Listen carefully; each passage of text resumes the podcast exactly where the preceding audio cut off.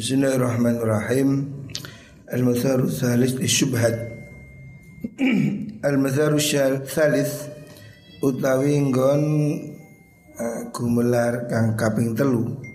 Li syubhati maring syubhat Maksudnya penggerak Pendorong timbulnya syubhat Yang ketiga Ayat nasila iku tau tetemu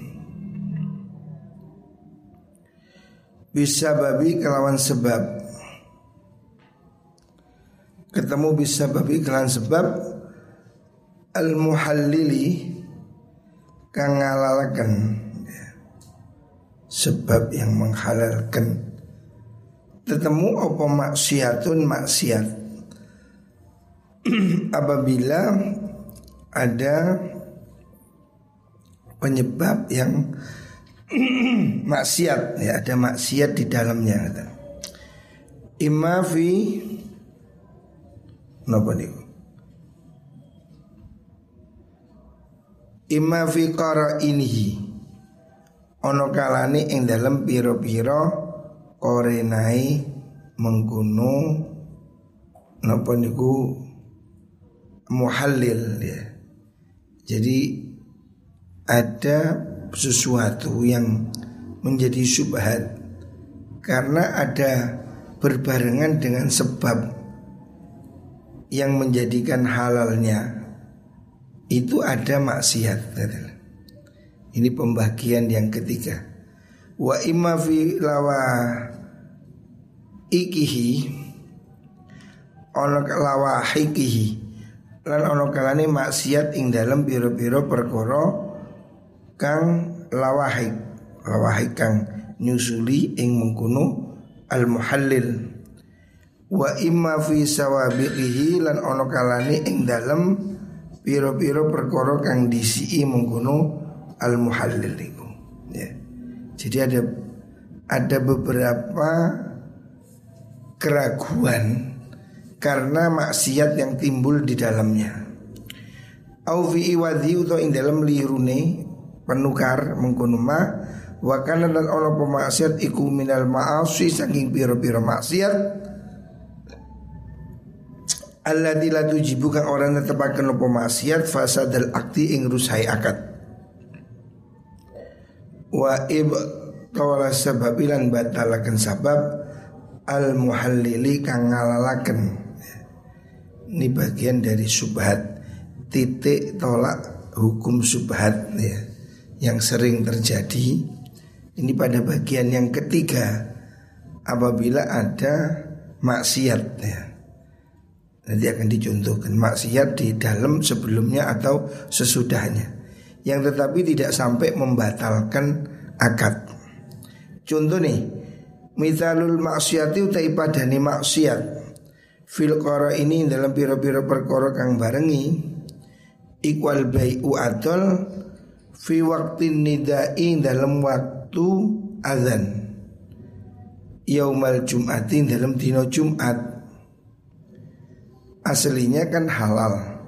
Sembelian eh kok sembelian? Jual beli itu prinsipnya kan halal. Akan tetapi kalau sudah azan pada hari Jumat kalau sudah azan itu dilarang melakukan jual beli. Apabila orang itu tetap melakukan jual beli, jual belinya sah, tapi dia tapi dia berbuat dosa atau maksiat. Nah, di sini menurut tinjauan tasawuf ini halal tapi subhat. Karena apa? Ada maksiat itu mendapatkannya dengan cara transaksi di waktu azan Jumat. Jual belinya ini kan aslinya halal, tapi melakukan transaksinya ini tidak diperbolehkan. Nah, ini contoh maksiat di dalam akad ya, yang tidak membatalkan akad, tetapi mempengaruhi pada nilainya jual beli itu. Dalam arti menjadi subhat. Wadzabhulan nyembelih bisikini kelawan lading pisau al maghsubati kang den gosok menyembelih hewan dengan pisau yang gosok aslinya semua sembelihan dengan pisau sah. Tetapi pisau gosok loh ini kan ada harumnya. Gosoknya ini haram. Sembelihannya tetap halal. Makanya disebut subhat campur nah, Wal ihtitob bulan amling gorek kayu. Wal ihtitob mencari kayu. Wal ihtitob bulan golek kayu bil kudumi kelawan pecok Pecok kapak. Al maghsubati kang den gosok. Cari kayu dengan alat yang gosok. Cari kayunya halal. Gosoknya haram. Wal ulan adol ala bai'il ghairi ing atasit adoli wong liya. Menjual beli transaksi di atas transaksi orang lain. Ngenyang nyang nyangani wong. Itu jual belinya sah. Umpamanya ada orang jual sudah jadi.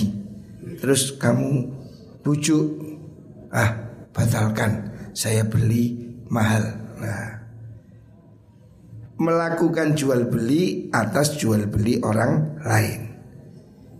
Ini hukumnya haram.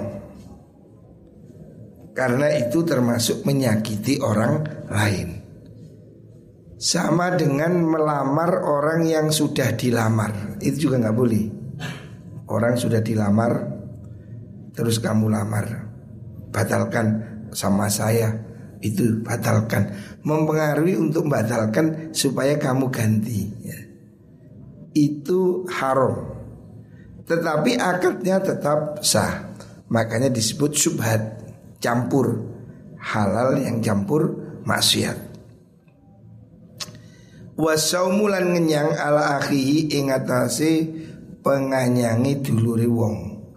Menaiki tawaran orang lain Wa kullu nahyin lan saben-saben penyegah larangan Waroda kang tumeka apa mengkono nahyu fil uqudi ing dalem pira-pira akad.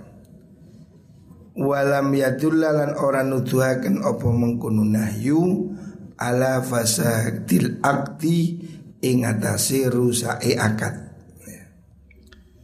Semua jual beli yang di situ ada larangan tetapi tidak sampai membatalkan akad. Ya seperti kamu jual anggur kepada pabrik Homer itu kan haram. Jual belinya sah, anggur dijual sah. Kamu jual pisau kepada cop apa maling atau rampok, nah itu kan haram, menulungi maksiat. Jual ayam jago kepada penyabung ayam, jual belinya sah, menjual ayam. Tetapi ada unsur maksiat karena kamu menolong orang berbuat maksiat. Nah itu termasuk contoh-contoh di mana jual beli itu aslinya halal tetapi mengandung maksiat di dalamnya. Ya. Yang tidak sampai membatalkan akad, akan tetapi itu membuat campuran haram. Nah makanya itu disebut dengan subhat ya. Harus dijauhi Jual beli waktu azan Jumatan Jual belinya sah tapi itu dilarang Tak boleh ya. Jadi ada larangan tapi tidak sampai Hukumnya membatalkan akad Lah jual belinya sah tapi melakukan itu Tidak boleh haram ya. Fainal imtina'a setuni nyegah minjami idzalika saking sekabehane mengkono-mengkono niku wau manhi niku manhiin niku. Iku waraun aran wirai. Melakukan jual beli yang tidak sedemikian itu bagian dari wirai. Wa illam yakun senajan ora ono. Awal mustafadu perkara kang den perkoleh bihadil asbabi kan ikilah piro-piro sebab iku mahkuman dihukumi bitahrimihi kelawan harome mengkuno al mustafad walaupun barang yang dihasilkan dengan transaksi itu tidak sampai dihukumi haram tetapi ada pelanggaran. Karena itu melanggar syariat jual belinya tetap sah tapi melakukan dosa makanya sebaiknya dijauhi jangan melakukan transaksi seperti itu ngenyang menawar barang yang sudah ditawar orang lain. Membeli barang yang sudah dibeli orang dalam arti membatalkan, suruh batalkan. Itu semua jual belinya sah tapi haram. Hendaknya dijauhi ya. Wadasmiyatu hadan namati utawi ngarani ikilah dalan ya cara atau jalur yang seperti ini itu semua disebut dengan subhat. Nah, dan arani pun dia subhatan ing subhat. Fihi iku ing dalem mengkono mengkono tasmiyatu hadan namat tasamuhun utawi gampangaken itu termasuk bagian subhat tapi ini secara istilah. Li anna subhata krono setuni subhat fi ghalibil amri ing dalam kaprai perkoro ikutut laku dan ucapaken li iradatil istibahi maring ngersaaken keserupaan. Wal jahli lan ora urwi wal istibaha. Walastibahalan orang-orang serupa iku mujud hahuna ing dalam kini panggonan. Dalam contoh-contoh yang disebut tadi Tidak ada keserupaan Tapi jelas Jelas maksiat. Balil isyanu balil utai duroko Bidabhi kelawan beleh Bisikinil ghairi kelawan Latingi wong liyo Iku maklumun dan werwi Artinya ini jelas haramnya gosok itu faham jelas. Tetapi wahilu hati utawi halali sembelian aidon halemane koyo mengkuno sikin yaiku maklumun usden warwi. Di sini ini disebut subhat. Ini secara apa istilah. Sebetulnya subhat itu secara umum untuk hal-hal yang sulit dibedakan. Tapi dalam kasus yang dicontohkan bab yang ketiga ini sebetulnya tidak ada keserupaan. Orang menyembelih dengan pisau gosok, gosok pisau milik orang lain. Jelas gosok ini haram. Tapi sembeliannya karena dengan pisau halal. Tidak subhat sebetulnya. Jelas ini halal, ini haram. Tetapi kenapa kok Imam Ghazali menggabungkan ini di dalam bab subhat? Ya karena itu tidak murni, tidak halal, tidak pure, ada unsur maksiat supaya dijauhi. Walakin kotus taku tetapi terkadang den toakan. Opa subhatu lafat subhat minal musyabahati saking musyabah keserupaan watana wulil hasili watana wulul hasili. Utawi merkole perkara kang den hasilaken. Min hadhil umuri sangi ikilah piro-piro perkara iku makruhun makruh hasilnya itu tidak sampai haram tapi makruh. Wal karahatu te kemakruhan iku tusbihu nyerupani apa makruh? At-tahrima ing keharaman. Fa'in urida lamun den karpakan bisyubhati Kelawan lafad subhat Hadal makna Andi Hada ing ikilah perkoro apa hada ikilah perkoro fatasmiatu hada mongko ngarani ikilah kismus salis niku iku subhatan ing subhat lahu iku ketuwe mengkono kismun wajun utawi wajah ada mempernya. Wa illa lamun orang mengkono urida bi subhat ilah fayam bagi moko sahib jo apa yusama den arani apa hadza ikilah apa niku kismun salis karohatan ing aran makruh la subhatan ora subhat. Wa idza urifa lan nalikani den urui opal makna makna makna subhat fala masahata nggih. Nalikani den urui bundi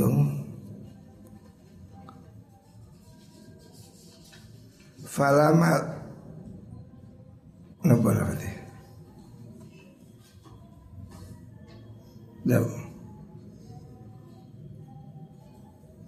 Harap.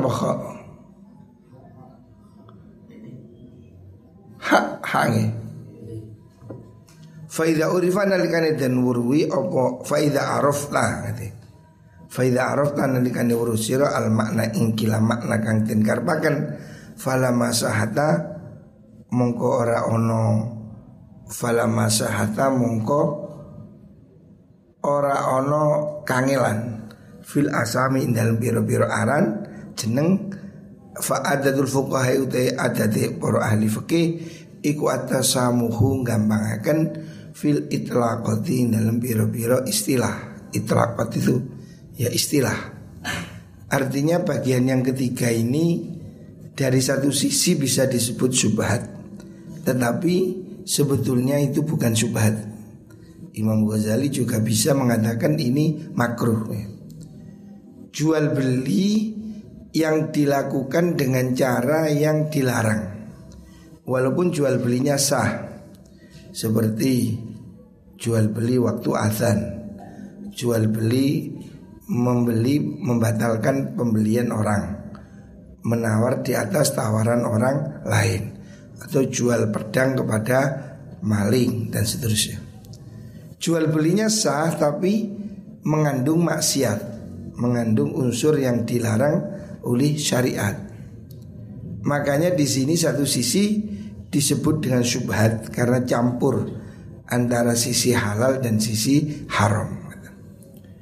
Sumalam luwi warwasiro andal karohata suding kemakruhan Iku laha kuthi karoha salah sudaro jatin utai telu piro-piro derajat Al ulau tekang kawitan minha sangi mengkuno salasa. Iku takrubu parak apa mengkuno al ula Minal harami sangking haram. Wal waro utai ngedoi andu sangking mengkuno Mengkuno mengkuno al ula niku Iku muhimun penting. Wal akhiratu tekang akhir Jadi makruh itu makruh Jual beli yang makruh Jual beli yang mengandung unsur haram Seperti tadi Jual beli yang sah tapi dilarang Itu termasuk kategori karoha Kemakruhan Tidak disuka Ini ada tiga tingkat Yang tingkat tinggi ini sangat harus dijauhi tetapi yang rendah itu ya tidak perlu. Jadi ada tiga tingkatan di dalam masalah derajat kemakruhan. Wal itu kang akhir ikutan tahi tumeka apa akhirah maksudnya derajat yang karoha yang akhirah ikutan tahi tumeka apa akhirah ila nauin maring warna minal mubalaghati saking banget bangetaken. Yang ketiga itu tidak penting berlebihan. Takadu parek opo mengkuno al akhirah terutahaku den padaken den temuaken opo mengkuno al akhirah biwar ilmu waswisin kelawan wira ini wong kang was-was. Jadi waro itu ada wirai yang jelek. Kemarin kan sudah disebut ada wirai tingkat empat. Wirainya al-ungtul, wirainya al-muttaqin, wirainya as-siddiqin, nah, ada wirainya apa kemarin? ada empat tingkatan. Solihin, mutakin, ya. Siddiqin. Ada tingkatan wira itu empat tingkat Semakin tinggi semakin bagus. Lah kemakruhan itu juga tiga tingkat. Yang tingkat pertama ini sangat makruh Harus dijauhi. Yang kedua sedang Yang ketiga ini tidak penting. Itu termasuk was-was. Wa bainahuma lan iku ing dalam antarane al ula wal akhirah ausatun tai pira-pira tengah-tengah naziatun kang narik ira ini maring dalan lurung ya.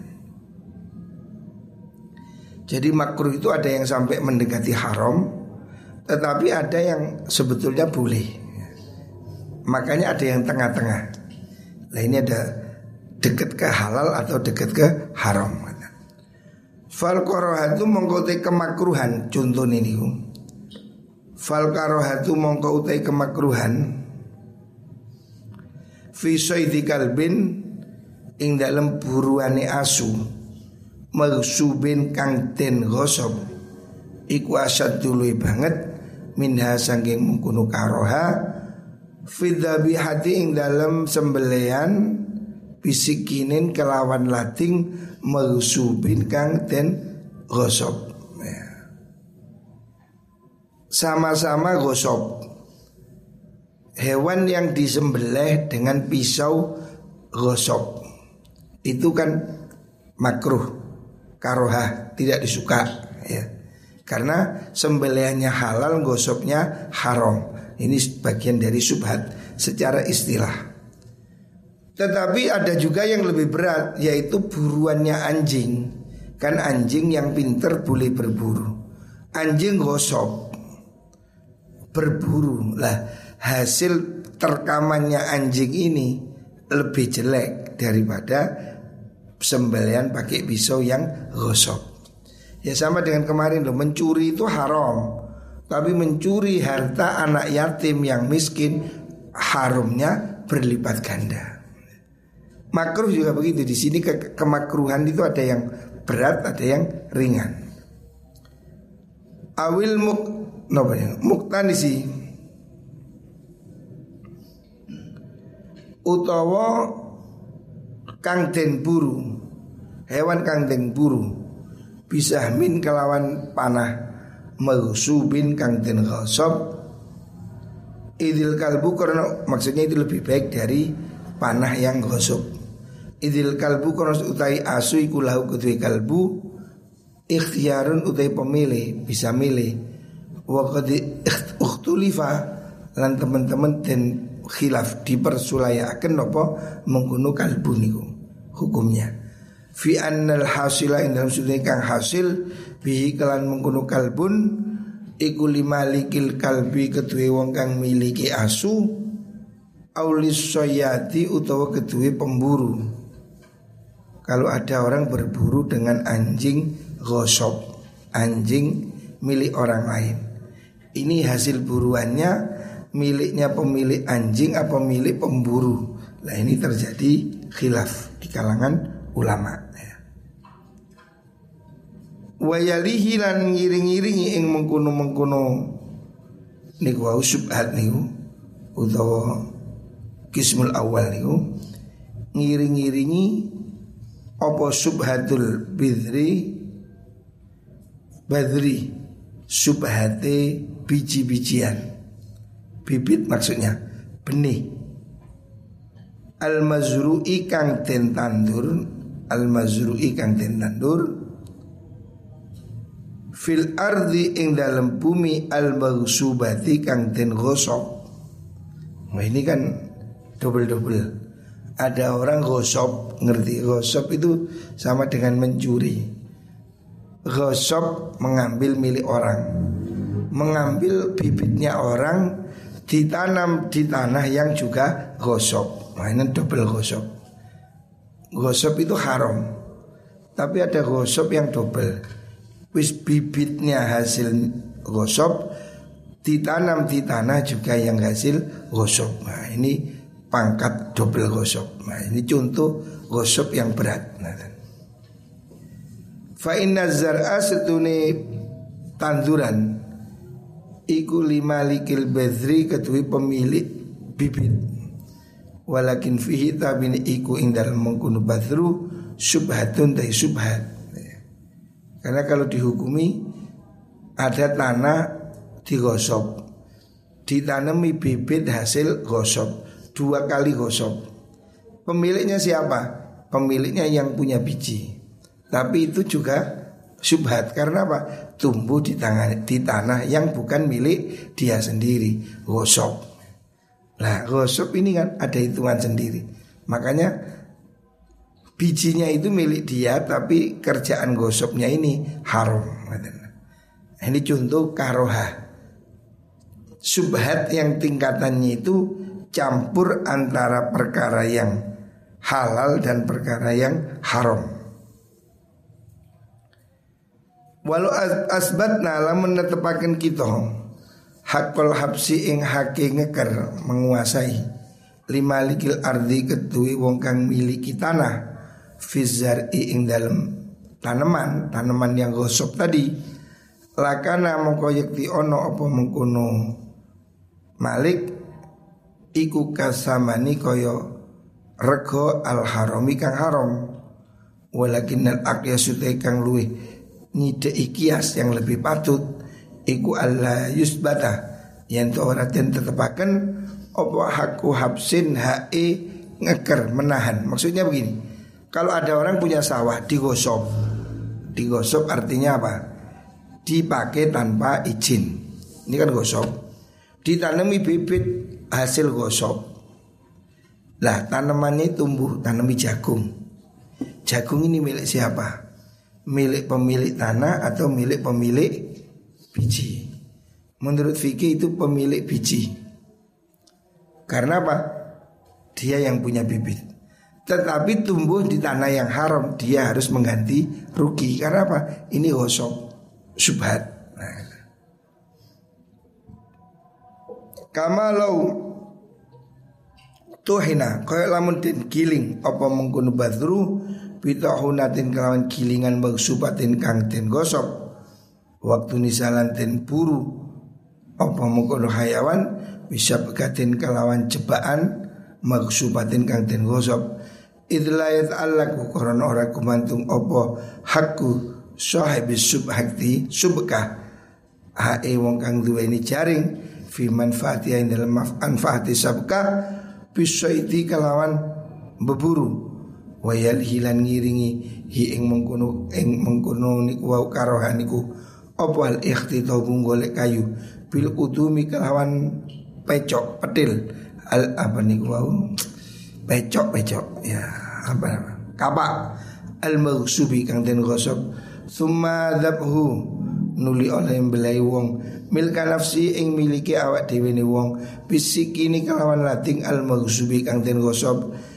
Idlam yadhab korona ora budalan sopa hadun wong suici ila tahrimi hati maring harami hewan kang den sembelih. Nah, ini Imam Ghazali memberi contoh-contoh ini contoh karohah kemakruhan yang mendekati haram yang tingkatan pertama sampai tingkatan bawah tingkatan bawah.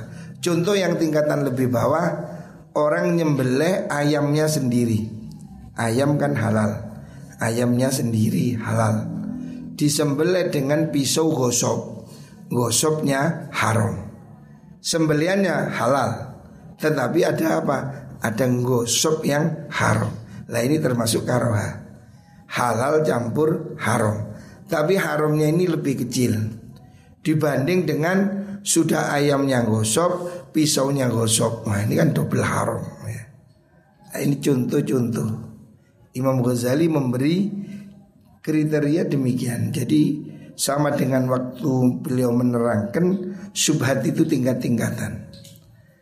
Karoha hari ini di bawahnya itu ada karoha Jual beli yang makruh, yang tidak disuka, yang dibenci Itu juga tingkat, tiga tingkat Ada yang sangat makruh, ada yang tengah-tengah, ada yang sedikit kemakruhannya Lah Imam Ghazali sengaja membagi ini supaya orang bisa mengkiaskan. Oh yang seperti ini berat, ini ringan. Gitu. Jadi sama-sama haram ada nemen haram, ada gak patek haram. Nyolong bawah nih, nyolong di pondok harami berat. Karena apa? Kamu mencuri harta orang ahli ibadah yang tidak salah, yang tidak berdosa, berat sekali haramnya. Dibanding kamu nyolong di ya bodoh-bodoh haram nyolong di apa kamu bos karaoke umpamanya. Ya pada-pada haram nyolong Mencuri namanya mencuri tetap haram. Tapi mencuri di pondok haramnya berlipat ganda. Karena apa? Menyakiti orang fakir. Wong pondok kan nggak duit duit. Kirimannya pas-pasan, ahli ibadah, wong sing maksiat, disakiti, maka dosanya lebih berat. Sama-sama mencuri, mencuri pada orang kaya dibanding mencuri pada orang yatim, fakir, miskin. Sama-sama haram, tapi haramnya ini lebih berat. Nah, jadi Imam Ghazali itu membuat itu apa? klarifikasi atau kelas-kelas. Di sini sekarang kemakruhan juga begitu. Ada yang makruhnya tingkat tinggi, menengah dan sedikit. Ya. Contoh orang me, orang menggiling tepung, nah, giling kopi, kopinya milik sendiri, digiling di gilingannya orang. Nah ini kan kopinya tetap halal, tapi gosoknya haram, gosok gilingan. Maka kopi ini mengandung apa? Mengandung unsur haram, yaitu apa? Cara gilingnya haram. Tapi kopinya halal. Lah, ini bagian dari subhat. Tetapi Imam Ghazali menggolongkan juga termasuk ini karoha. Sesuatu yang tidak disuka. Halal campur haram. Hukumnya tetap halal. Kopi, kamu punya kopi. Digiling. Digowo kafe. Gosok. Gosok giling. Lah gosoknya ini kan haram. Kopinya tetap halal. Nah, ini contoh subhat seperti itu barang halal tapi didapatkan dengan cara yang mengandung haram. Beda dengan nyolong, jelas langsung haram. Kamu mencuri, haram. Caranya sudah haram, bukan subhan. Tapi kalau kamu menggiling kopi, kopinya halal, gilingan yang gosok loh. Ini kan campur halal dan haram. Nah ini disebut dengan subhat atau karoha. Jual beli yang atau transaksi yang tidak disukai, makruh. Dan ini termasuk makruh yang menengah. Kalau yang makruh tingkat tinggi, kopi ini nyolong, gilingan ini nyolong, gosok. Wah ini sudah double, ini jelas haram. Ya. Jadi ada yang karohanya semakin tinggi, ada yang semakin rendah. Ya, ya seperti contoh di situ Imam Ghazali mencontohkan kemakruhannya apa biji yang ditanam di tanah yang digosok ya. Itu kan bijinya tetap miliknya pemilik biji Tapi tumbuh di tanah gosok itu haram ya. Makanya harus ada ganti rugi atau ongkos Kalaupun tumbuhannya tetap halal Tapi cara dia membiakkan di tanah orang itu haram Wayalihi pun ngiringi yang mengkuno hukum opal bayu adal tuku fi waktu nida in dalam waktu azan. Contoh lagi orang jual beli waktu azan. Jual belinya sah, tapi haram melakukannya. Lah barang yang dihasilkan ini bagaimana? Tetap halal, tapi mengandung kemakruhan.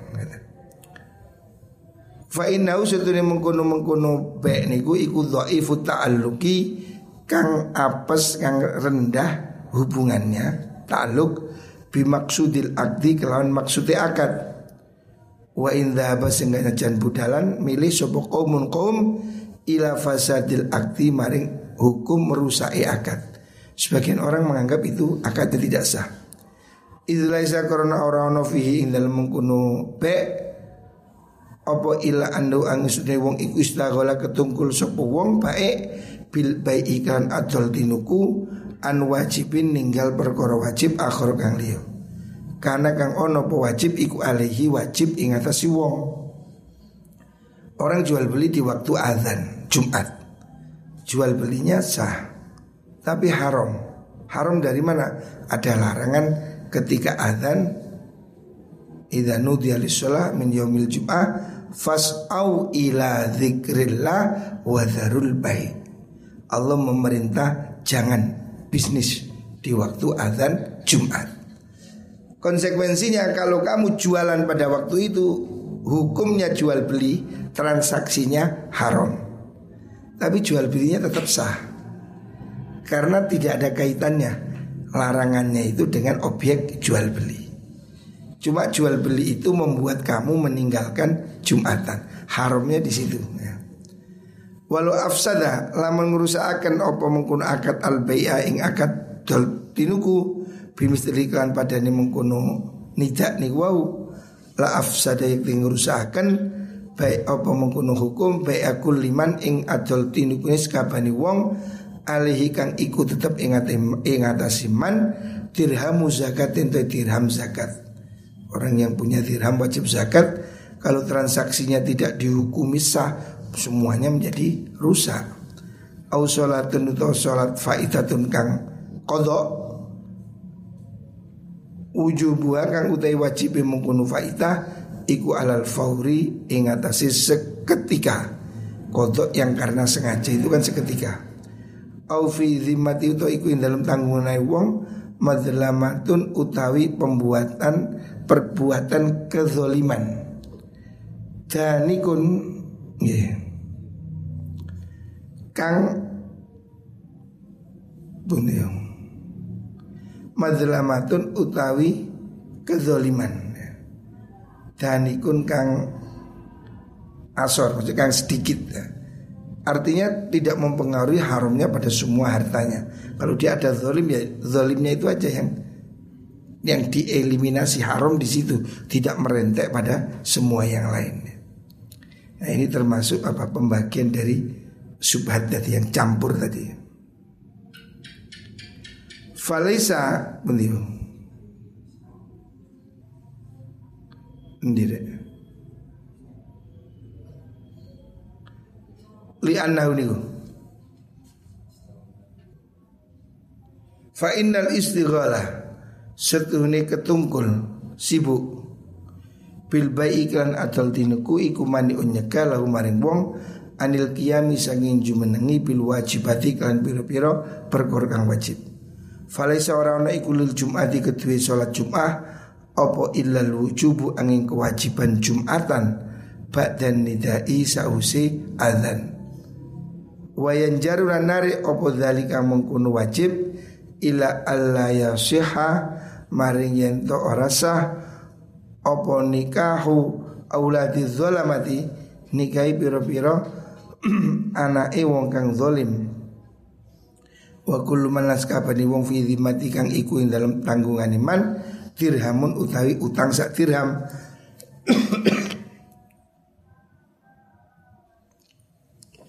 Liyane sudah wong iku istaghala ketungkul sapa wong? Nggih. Bikauli kan ucapan wong anil fi'li sange penggawe al wajib kang wajib alihi ing atase wong. Ila anau angin sudini kelakuan ikumin al istighol ikumin haitsu warada. Saking are itu mekofi yaumil jum'ati dalam dina jum'ah. Apa nahyun larangan? Halal khususi ing atase khususe khususi yaumul jum'ah niku. Rubama sabako terkadang disi ilal auhami. Maring piro-piro penyono. Apa khususiatun piro kekhususan fi ing dalam mengkono nahyun niku? Fatakun mongkono pal karohatu kemakruhan iku asyad dulu banget Wala baksalan orang bahaya iku mujud Bila hadri kan ngedoi Minhu sanging mengkono Bek nih Walikin kot yang jaru tetapi terkadang narik Apa mengkono mengkono Al hadru Ilal waswasi maring waswas Hatta tak haroja sehingga jadi ah, Abot. Untuk ngedoi Sopo wong an nikahi banati arbabil mazalimi saking nikahi piro-piro putrine wong kang duweni kezaliman wasairi muamalatihim lan sekerine muamalai arbabul mazalim Maksudnya itu tidak bisa dikebiahuyah Imam Ghazali mengatakan keharuman di dalam satu sisi itu tidak bisa mengharumkan semua hal. Contoh tadi jual beli pada waktu azan Jumat. Jumatan dilarang melakukan jual beli. Kalau ada orang jual beli haram melakukan akad. Jual belinya sah. Tapi sebagian orang berpendapat jual belinya tidak sah. Lah, pendapat yang ini tidak disetujui oleh Imam Ghazali. Sebab kalau akadnya itu dihukumi batal gara-gara apa tadi itu transaksi di waktu azan berarti ini kan sesuatu yang berbeda. Kalau ini dilakukan maka menjadi orang itu tidak boleh menikahi anaknya koruptor. Nah, korupsi kan bapaknya. Iya tapi kan itu hartanya mengalir ke anaknya. Loh kalau begini kan sulit. Atau apa namanya dicontohkan di situ muamalah dengan orang yang hartanya sebagian haram. Ya, muamalah dengan pejabat atau rentenir atau apa. Itu Imam Ghazali kan membolehkan. Karena menurut Imam Ghazali, orang yang punya harta halal dan haram itu tidak semua hartanya dihukumi haram. Sehingga kita masih boleh melakukan muamalah. Artinya bisa dipisah. Sama dengan tadi Jumat itu sudah azan jual beli, jual belinya sah, tapi melakukan jual belinya itu haram karena dilarang oleh syariah. Tapi larangan ini tidak sampai mengharamkan objek jual beli. Artinya uang yang dihasilkan dari jual beli itu tetap halal. Menurut Imam Ghazali. Walaupun menurut ulama yang lain itu tidak sah. Jadi kalau sudah hari Jumat terus kamu jual handphone beli, jual jual beli ini batal menurut sebagian ulama.